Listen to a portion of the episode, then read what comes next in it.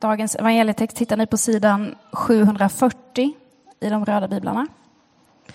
Och jag läser från Lukas evangeliet 13, vers 10 till 17. En krokryggig kvinna botas. En gång undervisade han i en sy synagoga på sabbaten. Där fanns en kvinna som hade plågats av en sjukdomsande i 18 år. Hon var krokryggig och kunde inte räta på sig. När Jesus fick se henne kallade han på henne och sa Kvinna, du är fri från din sjukdom. Och så la han sina händer på henne. Genast kunde hon räta på sig och hon prisade Gud. Men synagogoföreståndaren, som förargade sig över att Jesus botade på sabbaten, sa till folket Det finns sex dagar då man ska arbeta. På dem kan ni komma att bli botade, men inte under sabbaten. Herren svarade honom Hycklare, finns det inte någon av er som inte löser sin oxe eller åsna från krubban också på sabbaten och leder ut och vattnar den? Men här är en Abrahams dotter som Satan hållit bunden i 18 år. Skulle hon inte få lösas från sin boja på sabbaten? Dessa ord kom alla hans motståndare att skämmas, men folket gladde sig över allt det underbara som han gjorde. Så lyder det heliga evangeliet. Lovad vare du, Kristus.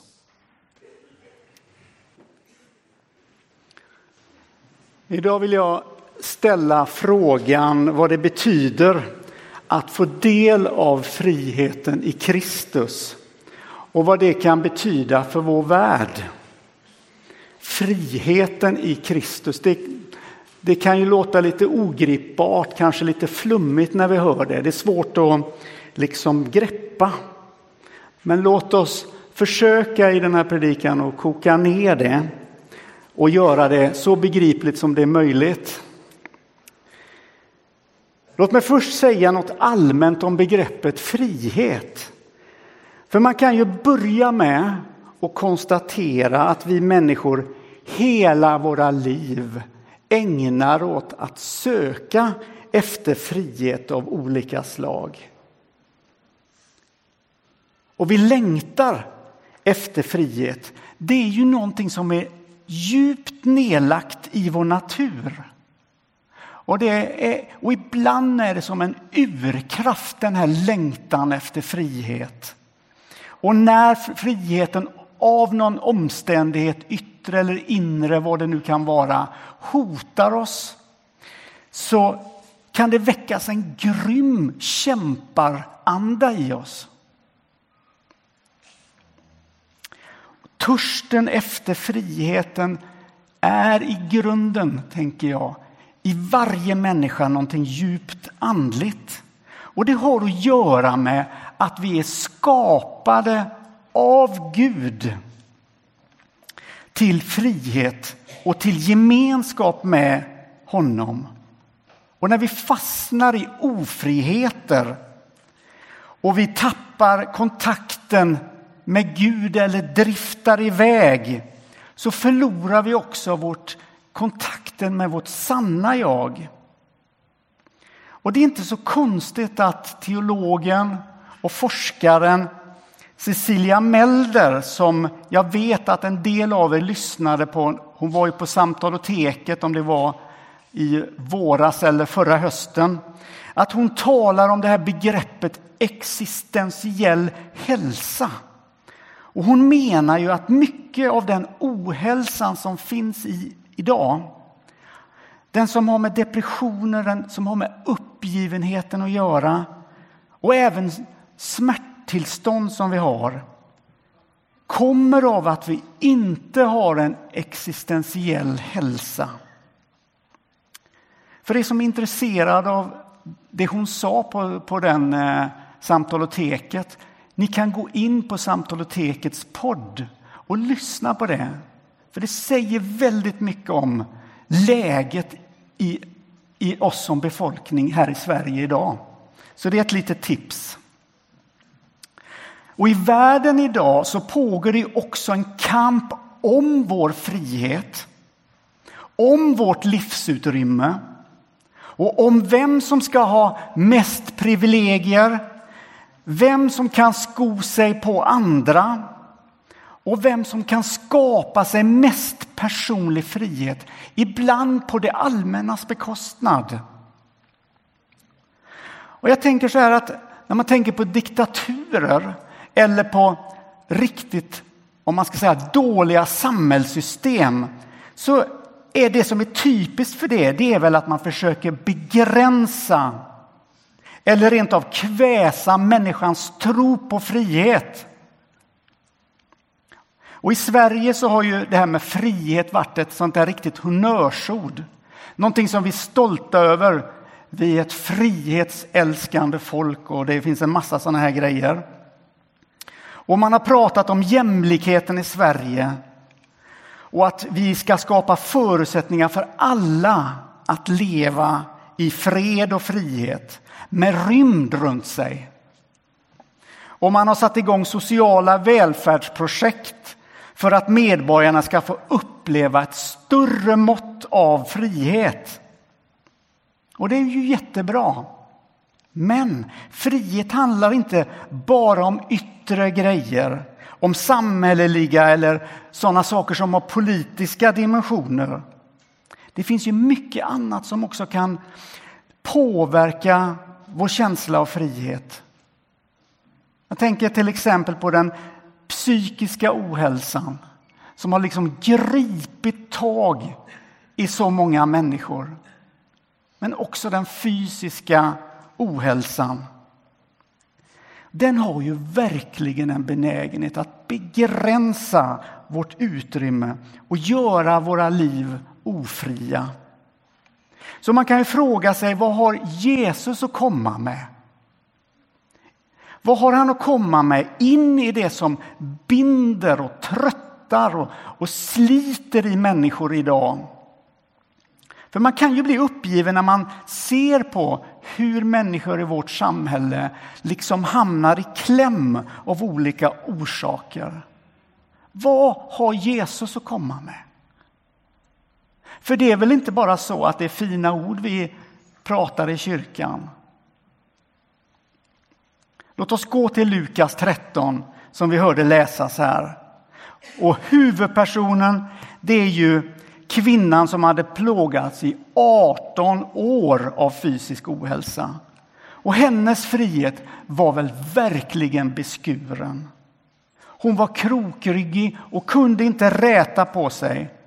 Och det är klart att detta var hennes stora livslidande. Och nu är det sabbat och Jesus ser henne i synagogan. Och han känner medlidande med henne och kallar henne till sig. Det är lite ovanligt, för ofta i Bibeln och i Nya testamentet när, när det händer saker kring Jesus så är det någon som kommer till Jesus med ett behov. Hon gör ingenting. Hon bara är i synagogan. Han kallar till, till, henne, till sig henne. Han lägger händerna på, på henne. Och plötsligt så rätar hon på sin rygg inför alla människor. Och man kan ju undra vad man skriver i dagboken på kvällen efter en sån dag. Kanske mitt liv hade nått vägs ände. Jag hade inte orkat mycket längre till. Jag trodde aldrig att något bra skulle hända. Men då... Men en dag kom Jesus. För den kvinnan så var sjukdomen, det var sjukdomen som var hennes bundenhet. Och att drabbas av fysisk eller psykisk ohälsa eller någonting annat som håller oss fast. Jag vet ju det när du sitter här. Du vet vad som binder dig, som håller dig. Som du önskar att kunde du, du kunde komma loss ur.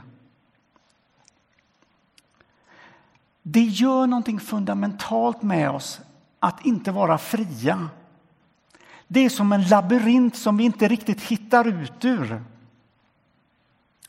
Men en dag så kom Jesus.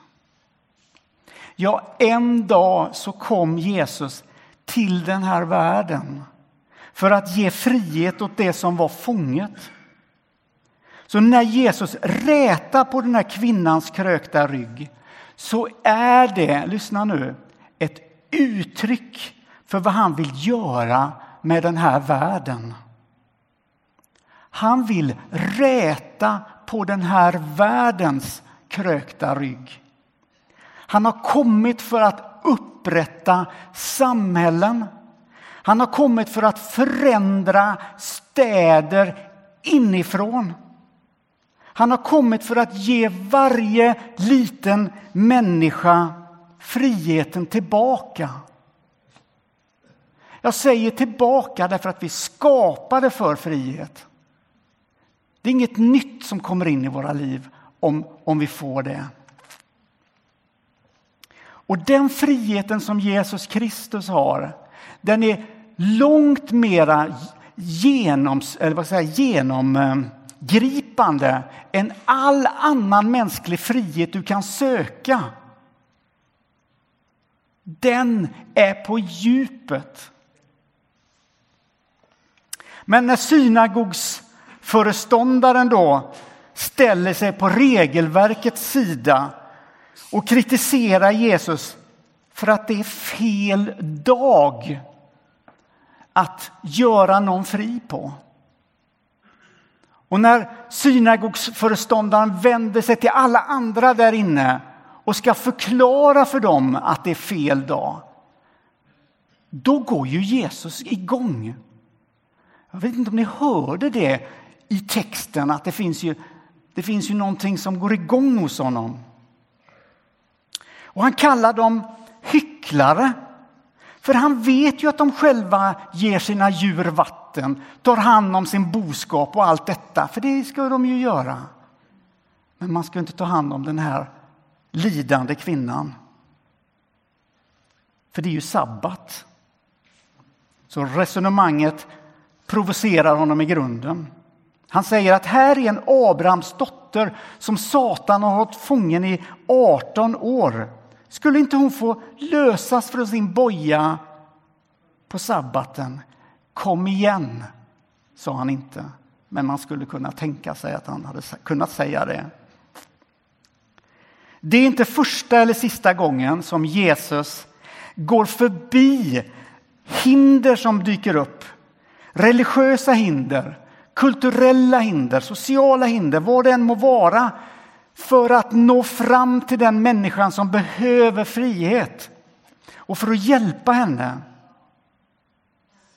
Och om vi då skulle lägga salta texten som också är en av de föreslagna texterna bredvid evangelietexten idag så kan vi förstå att Guds intention det är att ge människan allt gott.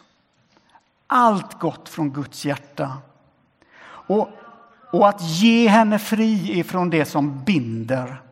Och vi läser i Saltaren 145 och 13. Gud håller sina löften. Kärleksfull är han i allt han gör. Han stöder dem som vacklar. Han rätar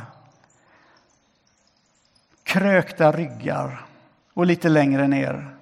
Herren är nära dem som ropar efter honom, som av hjärtat ropar till honom.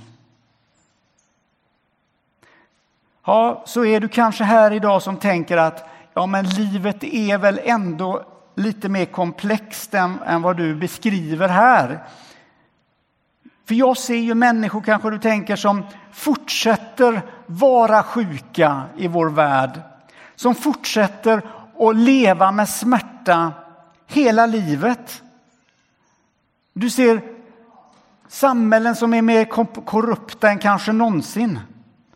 Och du tänker att Jonas, det du pratar om, om den här friheten, det låter mest som en from utopi. Ja, jag medger att det här är svårt. Jag medger att det är komplext. Bara för att det är svårt så kan vi inte heller gå förbi det. Vi måste våga titta på skärningspunkten mellan utopi och verklighet. Det är klart att det finns begränsningar för det andliga i den här världen. Men låt mig ta en bild. Tänk dig himlen som en frodig, grönskande sommaräng. Kan du se det framför dig? Där växer allt det goda, allt det skönt och vackert. Och jag tänker att Gud i sin himmel inte kunde låta den här sommarängen vara en stängd himmelsk äng någonstans långt borta. Och jag tänker att när Jesus sänds hit till jorden att han inte kan låta bli att ta med sig frön ifrån den ängen. Och när han kommer hit så planterar han små frön i människans hjärta så att någonting inifrån börjar växa. Och han planterar frön än idag, ibland de som är sjuka. Han planterar frön i de hjärtana som brinner för, för samhällsförändring, för rättvisa. Han planterar frö rakt in i deras inre motivation. Han planterar frön hos den som lider av psykisk ohälsa. Så ligger det ett litet frö. Och så fortsätter det. Och i varje litet frö bor ett envist litet hopp. I varje frö finns ett litet mått av himmel. Och en del av de här gudomliga fröna börjar genast gro och bli ett, ett fullödigt grönskande redan här på jorden. Kvinnan med den krökta ryggen i vår bibelberättelse är ju ett exempel på det. Det sker under och tecken i vår tid. Och det är kanske dags för oss som kyrka att leva som om vi tror på det. Att Gud kan vända upp och ner på situationer. Att människor kan bli friska och bli fria få sina liv förvandlade. Att samhällen kan förvandlas. Därför att Jesus har sått sina frön i människa efter människa. Och när vi tillsammans låter det goda få ett utlopp så kan förändring ske. Men en del frön behöver mer tid på sig för att bli fullödigt grönskande. Vi blir inte alltid friska här och nu. Och när fröet från den himmelska ängen ligger där i hjärtat och skaver och vi kanske frågar oss, ska jag ha det så här? Glöm då inte Saltarens ord som vi läste alldeles nyss. Att Herren är nära alla som ropar, som av hjärtat ropar efter honom.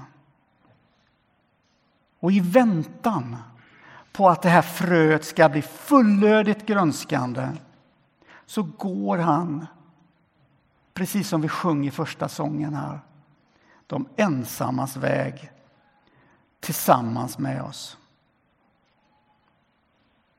I ditt lilla frö bor det ett mått av himmel mitt i allt som händer. Låt oss ta hjälp av Astrid Lindgrens berättelse om bröderna Lejonhjärta. Den har ni kanske läst eller sett. Den nioåriga Karl Lejon som kallas Skorpan, han är kroniskt sjuk och har fått veta att han ska dö.